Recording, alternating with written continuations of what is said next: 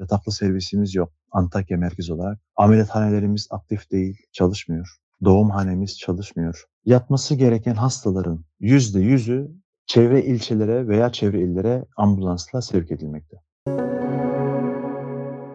Bir konteynerden bir konteynere geçmeniz için dışarı çıkmanız lazım. E biliyorsunuz bugünlerde yağmur var, hava buz gibi. Hastalar geldiği zaman dışarıda beklemek zorunda.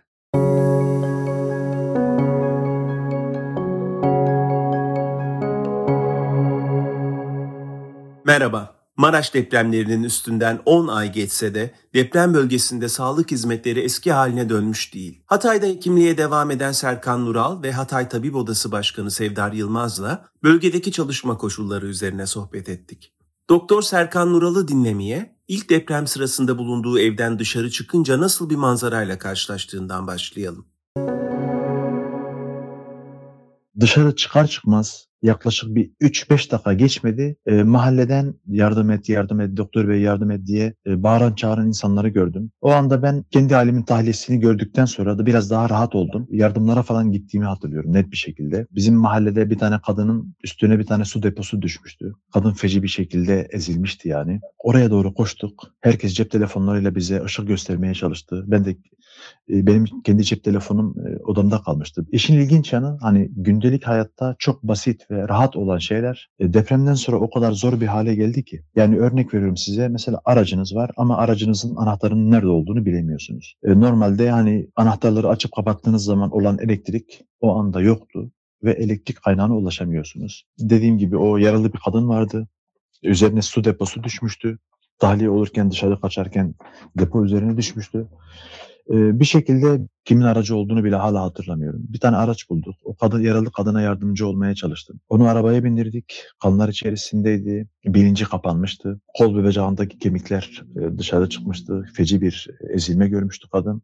Ama yaşıyordu, o anda yaşıyordu. O anda o hastayı e, kucağıma aldım. Zaten bizim mahallemizin insanıydı.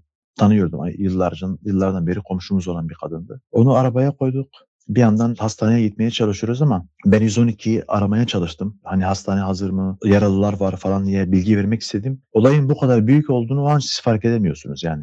Depremin bütün o bölgeyi etkilediğini, diğer illerin etkilediğini tabii ki biz günler sonra öğrenebildik. E, o anda sadece sanki yaşadığınız yerde böyle bir sorun varmış gibi hissediyorsunuz. Neyse ben 112'ye ulaşamadım. Hastaneye gitmeye çalıştık ama zifiri karanlık, ana yollar tıkalıydı ana yollarda yıkımdan dolayı, evler yıkıldığından dolayı ana yollarda nereye gitsek bir enkazla karşılaşıyorduk ve biz alternatif yollar bulmaya çalışıyorduk yani. Dediğim gibi yani depremden önce normalde bir 15-20 dakikada ulaşacağınız hastane size saatler saatler uzaklığında geliyor. Yaklaşık 40-45 dakikada ben ulaştırabildim o hastayı hastaneye. Ve hastaneye gittiğimizde maalesef herkeste bir kaçışma hali, herkeste bir korku hali falan vardı. İlçenin devlet hastanesi yeni taşınmıştı binasına, ana binasına yeni taşınmıştı. Ana binası sağlam, aktif halde çalışıyordu ama orada çalışan insanların inanılmaz bir korku ve e, şey içerisinde, hengame içerisindeydi, telaş içerisinde, koşuşturma içerisindeydi herkes. Yani ben acile gittim ama maalesef acilde bir muhatap bulamadım. Orada hemşireler kaçışıyordu, hekimler kaçışıyordu. Herkes bir şeyler yapmaya çalışıyordu. Olay yerini terk edip ailesine bakmaya giden insanlar vardı. Normalde bir serum, bir damar yolu açmak, hastaya bir serum takmak günlük hayatta bizim için çok sıradan, rutin bir şeyken o an bunu temin etmek, bunu yapmak o kadar zordu ki size anlatamam yani. Çoğu insan kaçıp kendi canını kurtarmaya çalışıyordu. Çoğu ailesinden haber alamıyordu. Kısa sürede kendimi toparlamaya çalıştım. Hastaneye diğer insanlar da yakınlarını getiriyordu. Diğer hasta yakınları falan da geliyordu hastaneye. Ben o hasta yakınlarına şey yapmaya başladım. Emir emir vermeye başladım. İşte sen şurayı temizle, şu arabalar sağa çekilsin, bu sahayı boşaltın. Ondan sonra biz hastanedeki e, hasta yakınlarını ben şeye göndermiştim. Birinci, ikinci kata çıkıp çünkü hastalarımızı karşılayacağımız yer yoktu. Bir arabayla bir hasta götürdüm. Hastaneye o yüzden gittim ama bir anda o kadar fazla yaralı yağdı ki hastaneye. Bir an kendinizi şey içerisinde buldunuz. Yani bir e, savaş hali mi diyeyim, yaralı, yağmuru, her taraftan yaralı geliyor. Herkes size bir şeyler sormaya çalışıyor. Oranın doktoru gibi oldun ve şimdi hekim ve hekim olmayan insanları da ayırt edemiyorsunuz.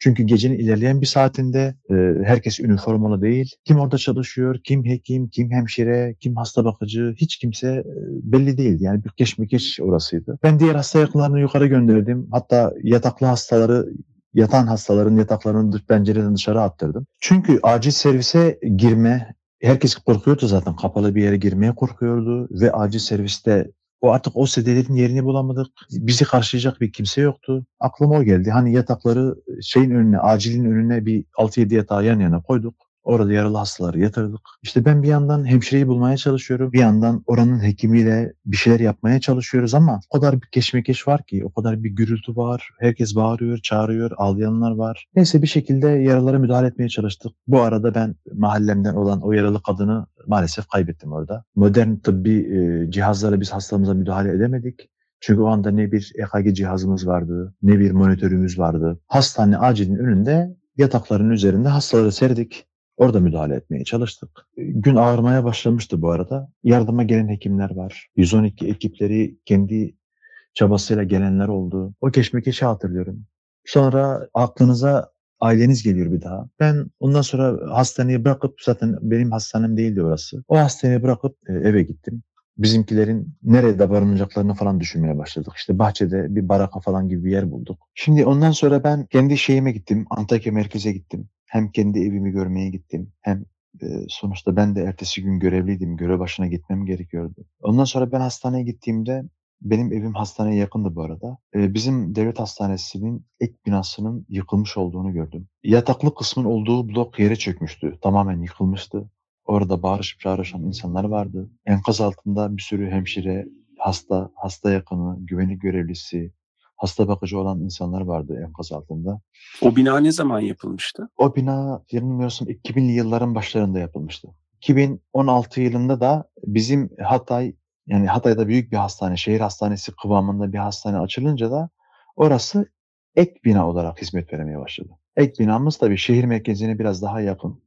Bizim ana binamız şehre uzak. İnsanın aklına şu geliyordu. Şimdi orası bir devlet hastanesi ve devletin kurumu ama devletin sıradan bir kurumu değil. Orası bir hastane. Aklınıza şu geliyor hani bir an bir an önce buraya yardım ekipleri gelecek işte gerek kaymakamlık gerek valilik gerek hani sonuçta devlet diye bir soyut kavram var kafanızda ve o devlet görevlilerinin buraya akın edeceğini düşünüyorsunuz yani olması gereken bu diye düşünüyorsunuz. Çünkü orası bir hastane ve hastane işleyemez durumda. Yani düşünün yani hastanenin bir bloku tamamen çökmüş. Diğer blokunda duvarlar çatlamış, işte atıyorum bütün eşyalar saçılmış durumda. Zaten o hastanemiz bizim hiç hizmet veremedi. Yani hiçbir yaralıya, hiçbir e, gelen insana hizmet veremedi. Çünkü dediğim gibi yani yarısı yıkılmış, diğer yarısı da kullanılmaz hale gelmişti. O günkü nöbetçi olan hemşireler, e, o günkü nöbetçi e, hasta bakıcıları, güvenlik görevlileri, o gün o hastanede yatan hastalarımız maalesef enkaz altında kaldı ve çok azı kurtarılabildi. Onu biliyorum. Diğer hastanelerde durum nasıldı? Antakya merkezde toplam e, dört tane özel hastane vardı. Bir de bizim Hatay Eğitim Araştırma Hastanesi'nin kocaman bir e, binası. Bir de size az önce anlattığım ek binamız vardı. Yani toplam dört özel, bir devlet olmak üzere toplam beş tane hastanesi vardı.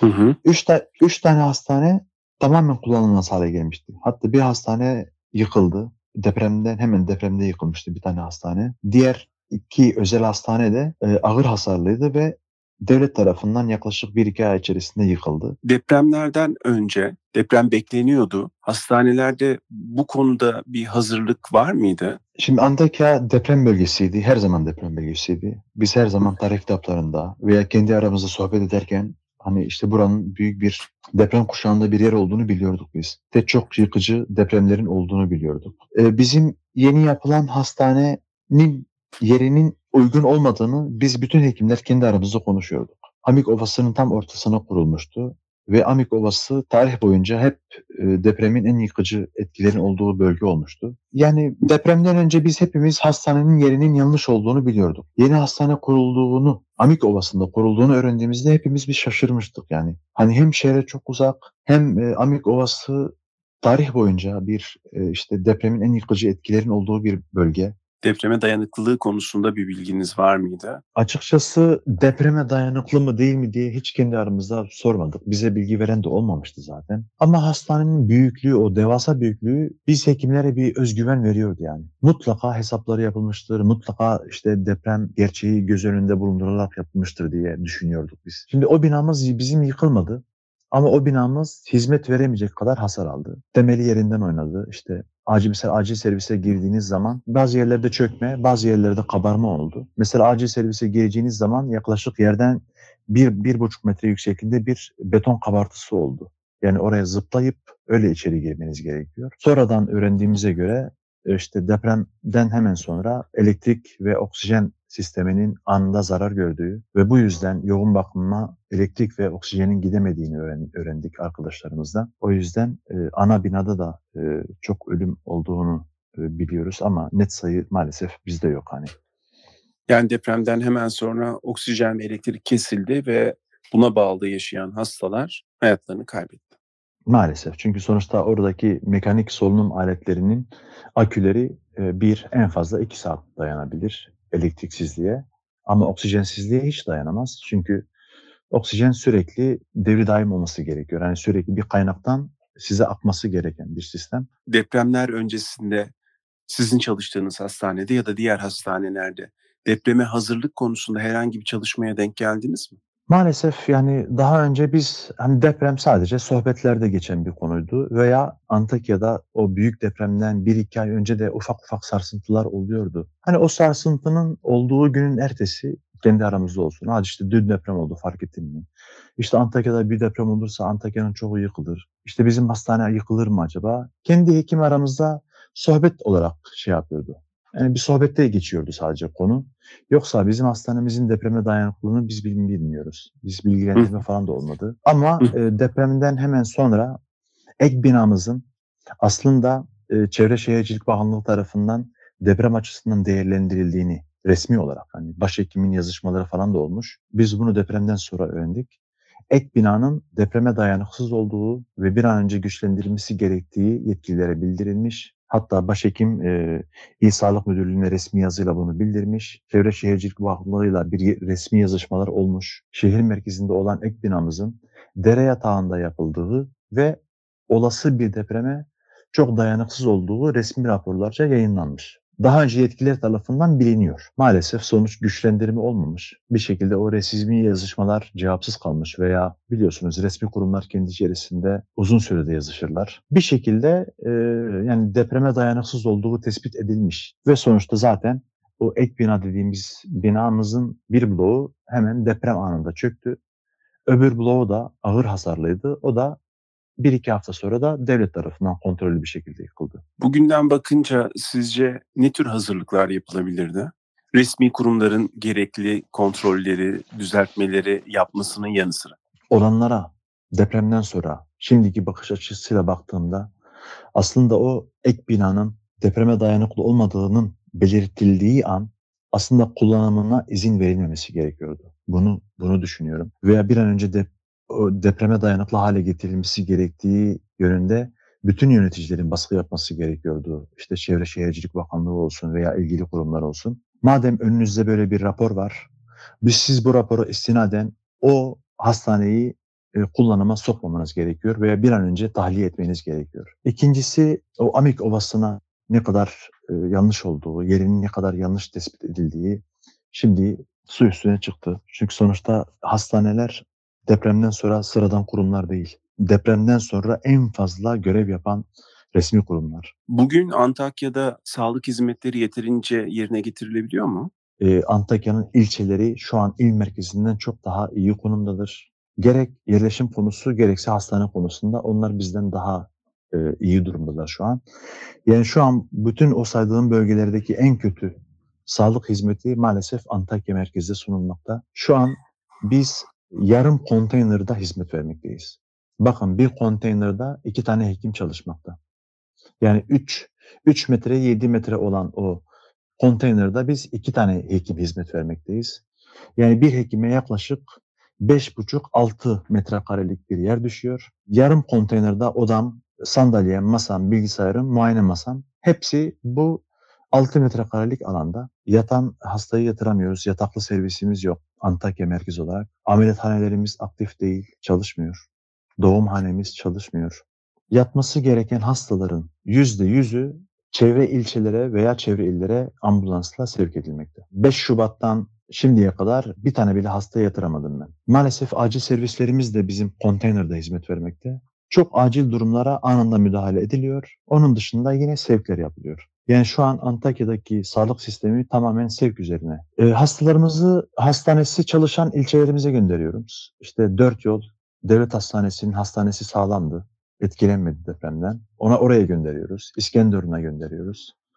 Çevre ilçelere gönderiyoruz. Yani şu an Antakya'nın en küçük ilçe devlet hastanesinin koşulları Antakya merkezden daha iyi. Antakya'da depremin hemen sonrasıyla bugünü kıyaslayacak olursak e, sağlık hizmetleri açısından konteynere taşınma dışında bir iyileşme olmadı mı? Sağlık Müdürlüğü'nün bize söylediği işte yeni bir hastane inşaatı devam ediyormuş. 1 Ocak 2024 itibariyle devreye gireceği söylendi bize. Betonarme yapıldı bir hastane. Onun dışında e, depremden yaklaşık 3 ay sonra hizmete açılan yine e, prefabrik yapı olarak oluşturulan bir ilçe devlet hastanemiz yapıldı. Yeni. Daha önce olmayan bir devlet hastanesi inşa edildi ama o da prefabrik yapıdan yapılmış ve o da maalesef e, yataklı servisi olmayan, acil servisi olmayan, ameliyathanesi henüz tamamlanmayan bir e, hastane. O da oraya gelen hastaların da yüzde yüzü şu an sevk ediliyor. Ama bir yandan şey devam ediyor. Hastanenin inşaatı devam ediyor. Öbür yandan da betonarme olan o büyük hastanenin inşaatı devam ediyor.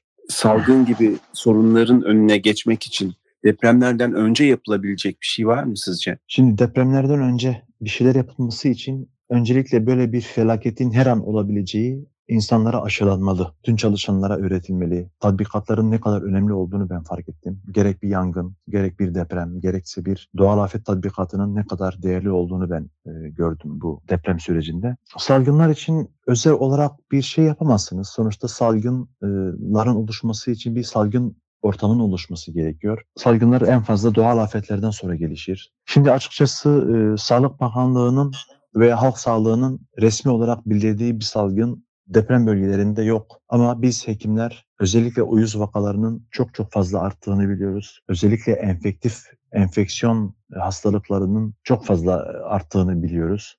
Ama tabii bu resmi rakamlarca doğrulanmadığı için şu an size salgın var demem hem doğru olmaz hem bilimsel olmaz. Çünkü ortada bilimsel bir çalışma yok.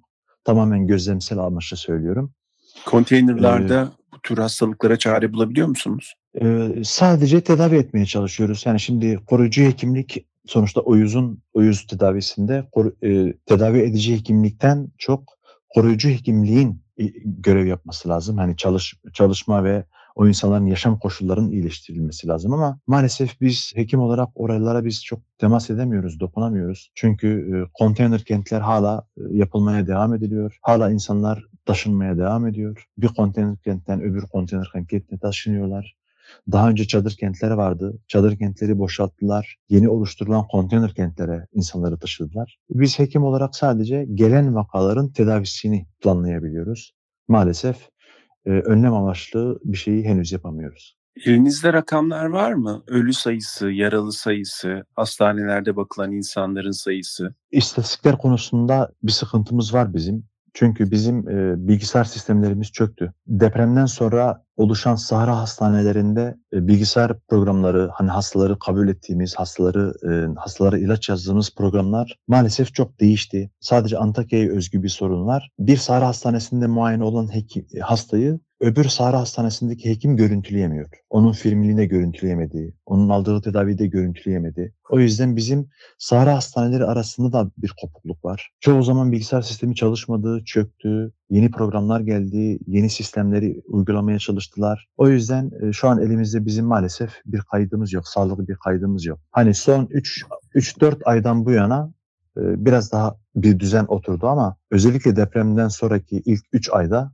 maalesef şey yoktu. Bir düzenimiz yoktu bizim. Sağlık Bakanlığı'nın bu 9 aydaki performansını nasıl görüyorsunuz? Sağlık Bakanlığı'nın bizim için gözle görülür en yaptığı en büyük şey hızlı bir şekilde ilçe devlet hastanesini devreye sokmak oldu ama bizim açımızdan sıkıntı şu yeni bir hastane açıldı diye lanse edildi. Yeni bir hastanemiz var diye söylendi. Medyada da çok çıktı ama şimdi biz derdimizi anlatamadık. Bu yeni açılan prefabrik devlet hastanesinin henüz acili çalışmıyor. Henüz ameliyathanesi çalışmıyor, yatak, yataklı servisleri çalışmıyor. Sadece poliklinik hizmeti. Yani sadece biz ayaktan gelen hastalarımıza hizmet verebildik. Maalesef biz orada hastanelerde yapılması gerekenlerin çok az bir kısmını yapabildik ve hala da öyle yapıyoruz. Yani tetkiklerin büyük bir kısmını yapamıyoruz. E işte tomografi cihazımız bizim yoktu. Yeni geldi tomografi cihazımız. E, depremden önce yaklaşık 300 tane olan kan tahlillerimiz depremden sonra 15-20'ye kadar düştü bu sayı. Yani bakılabilecek parametreler açısından söylüyorum. E, yani ben kendi açımdan şöyle eleştiriyorum Sağlık Bakanlığı'nı. Hani önce hastane kuruldu, ondan sonra e, hani eksiklikler giderilmeye çalışıldı. Yoksa hani bir önce bir e, eksikleri giderilen bir hastane devreye sokulmadı. Türkiye'nin diğer bölgelerinden ya da yurt dışından gelen hekimlerin destekleri ne ölçüde yararlı oldu? Şimdi şöyle gerçekten çok fazla hekim, çok fazla ilaç, çok fazla sağlık çalışanı geldi. Ama burada büyük bir organiza- organizasyonsuzluk vardı. Yani bir organize bir yer yoktu. Şimdi siz bir hekimsiniz, gönüllüsünüz, Antakya'ya gelmek istiyorsunuz. Ama Antakya'da sizi karşılayacak kimse yok. Antakya'da hangi bölgede çalışabilirim diye size bir bölge tarif eden kimse yok. Oraya gittiniz, bir şekilde hizmet vermeye çalışıyorsunuz. Sizin barınmanızı sağlayacak bir organizasyon da yok. Ben depremden sonra hiç ayrılmadığım için bir sürü şeyi gözlemleme şansım oldu. E size en basitinden bir örnek vereyim. İşte Güney Kore ve Çin'den oluşan bir ekip gelmişti. E şimdi arkadaşım beni aradı. İşte dedi ki bir ekip gelmiş, yurt dışından bir ekip gelmiş ama bunları karşılayacak kimse yok, sen karşılar mısın? Onları aldım, anlaşabildiğimiz kadar anlaştık onlarla. Nerede çalışacaksınız diyorum, bilmiyorlar. Hani onlar da bilmiyor. AFAD arıyorsunuz, AFAD bilmiyorum diyor. Hani ben size nereyi göstereceğimi bilmiyorum diyor. Sivil toplum kuruluşlarıyla konuştuk. Bu konuda bize tabip odası e, çok fazla yardımcı oldu. Çünkü tabip odasının biraz daha şeyi fazlaydı. Hani organizasyon organizasyon yapma becerisi çok fazlaydı. İşte onlar bir çadır e, temin etmeye çalıştılar. Şehrin dört bir yanında küçük küçük sahra çadır hastaneler kuruldu. Dışarıdan gelen gönüllerin oluşturduğu böyle hani hastane demeyeyim de çadır e, poliklinik tarzında, klinik tarzında işte çadırdan oluşan yerler kuruldu. Anons yaptılar işte şu bölgede hekim devreye giriyor. Bu konuda e, muhtarlara biz çok e, şey yaptık. Muhtarlarla iletişime girdik. İşte şu mahallenin şurasında biz bir klinik kurduk. İşte Çinli hekimler geldi. Şu mahallenin şurasında şu çadırda hizmet veriyorlar diye. Ama o gelen ekibe eşlik eden bir resmi görevli yoktu. E, sivil toplum kuruluşlarından yardım istedik. Onlar da elinden gelenleri yaptılar. İşte en kötüsüyle bir tane tercüman koydular oraya. İşte o tercüman bazen hemşireydi. O tercüman bazen bir öğretmendi. Bir şekilde onlar e, şey yapmaya çalıştı. Biliyorsunuz İstanbul'da da deprem bekleniyor. Bütün bu tecrübelerden yola çıkarak orada çalışan sağlık görevlilerine söyleyebileceğiniz bir şeyler olabilir mi? Valla benim söyleyeceğim nacizane şu olabilir. Her şeyin bir planınla yapılması gerekiyor. Yani acil durum planı diye bir plan oluşturulması gerekiyor. Kimin ne zaman neyi yapacağının belirlenmesi gerekiyor. Çünkü öbür türlü gerçekten bir koşuşturma oluyor. Hani ben çok koşuşturdum ama ne kadar işe yaradı bu koşuşturma tartışılır. Yani organizasyonun ne kadar önemli olduğunu gördüm. Depremden sonra örnek veriyorum. Hangi çadır nereye kurulacak? O çadırda hangi hemşire çalışacak? Hangi hekim ne yapacak kesinlikle belirlenmesi gerekiyor. Eğer böyle bir e, belirsizlik olursa tamamen bir, bir keşmekeş oluyor. Tamamen e, gönüllerin üzerinden oluşan bir sistem var ve şimdi gönüller üzerinden bir şey yaptığınız zaman bir kalıcılığı yok. Yani o gönüllü insan sizinle ne kadar çalışacak onu bilmiyorsunuz. Ne işi yapacak bilmiyorsunuz. O yüzden kesinlikle bir acil durum planı oluşturulması gerekiyor. Sahra çadırlar nerede kurulacak? Kim hangi pozisyonda çalışacak mutlaka önceden belirlenmesi gerekiyor.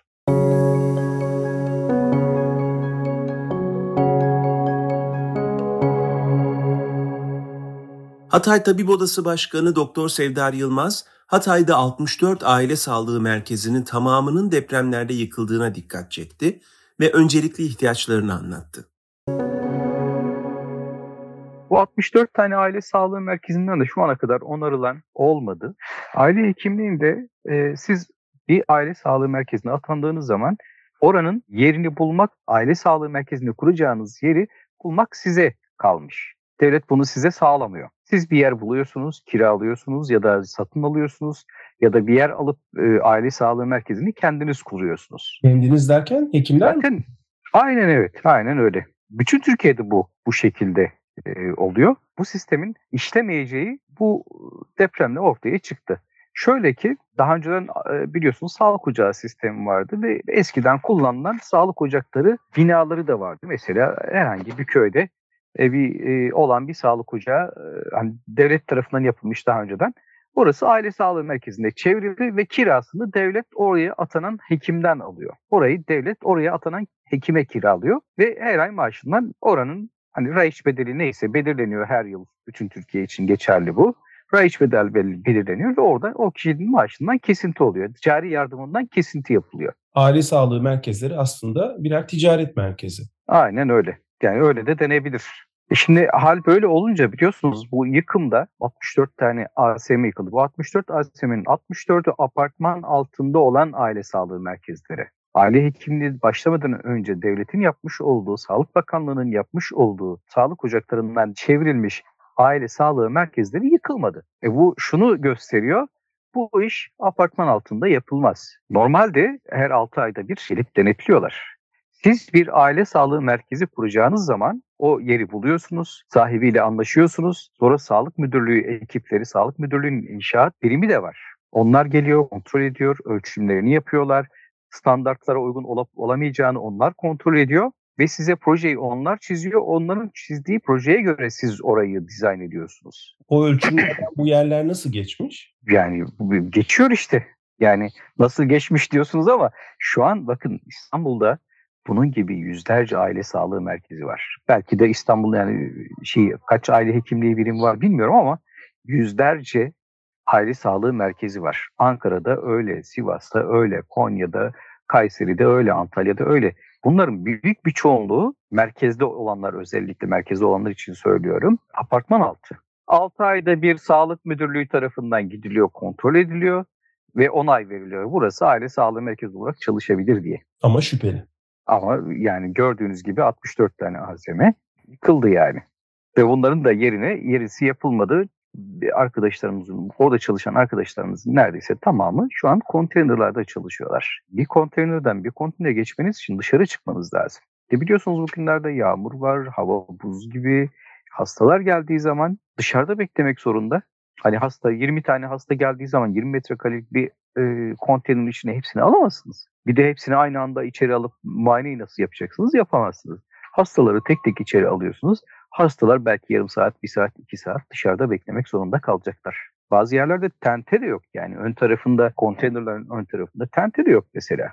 Olmayınca yağmurda, karda, kışta nasıl bekleyecek? Yazın güneşin altında, 45-50 derecenin altında güneşte bekliyorlardı. Şimdi soğukta ve yağmur altında bekliyor insanlar. Bu konuda bir önlem alma planı var mı? Sağlık Bakanlığı'nın ya da yani sağlık Sağlık Bakanlığı elini daha taşın altına koymadı. Sağlık Bakanlığı'na biz bu konuyla ilgili yazı da yazdık ama onlardan bir cevap gelmedi. Şimdi bu 64 tane ASM'nin bir de şöyle bir e, problem de yaşadık. Biliyorsunuz o dönemlerde hırsızlık oldu, e, yağmalar oldu vesaire. E, o dönemde aile sağlığı merkezleri de bu hedeflerden biriydi ve çoğunluğu yağmalandı. Yıkılanlar zaten enkaz altında kaldı. Enkaz altında kalmayanlar da yağmalandı.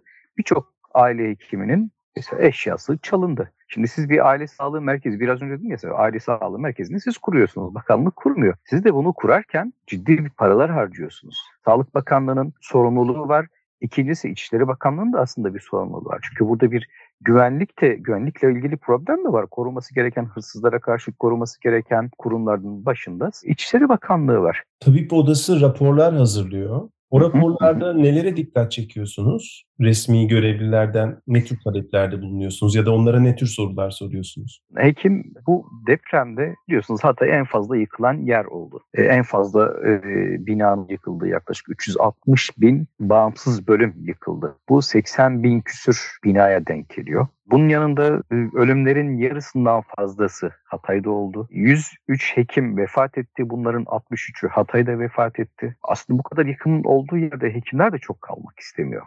Yani buraya kendisini bağlayan bir sebep olmayan hekimlerin çoğu burayı terk etti. 50'nin üzerinde hekim yurt dışına gitmek için başvurdu. Biliyorsunuz 6, 6 tane özel hastane yıkıldı. Orada çalışan 200'ün üzerinde hekim var. Onlar da il ve ilçe dışına çıktılar. Kamudan da yaklaşık 300'ün üzerinde hekim ayrıldı. Şimdi bu kadar hekim ayrılmasının tabii ki sebepleri var. Sebeplerin başında temiz hava olmamasından, barınma ile ilgili problem, artı çocukların gönderecekleri okul, kreşti vesaire falan gibi bir sürü birçok sebep var. Ama en önemlisi tabii ki barınma ile ilgili problem artı hava kirliliği. Biliyorsunuz yıkımlarla beraber tozlu, asbesti vesaire sürekli Hatay böyle beyaz bir bulutun altında maalesef bir bulutunun altında. Hekimlerin buradan gitmemesi için uğraşıyoruz. Ve Sağlık Bakanlığı'na da, sağlık müdürlüklerine de, e, valilikle de bununla ilgili önlem almalarını istiyoruz tabii ki. Deprem öncesi 125 tane hemşire varken şu an 60'a düştük. 60 tane hemşire var aile sağlığı merkezlerinde çalışan görevli. 125 tane doktor yerine şu an 80 tane doktorumuz var. Kadromuz azaldı, sayımız azaldı ama normalde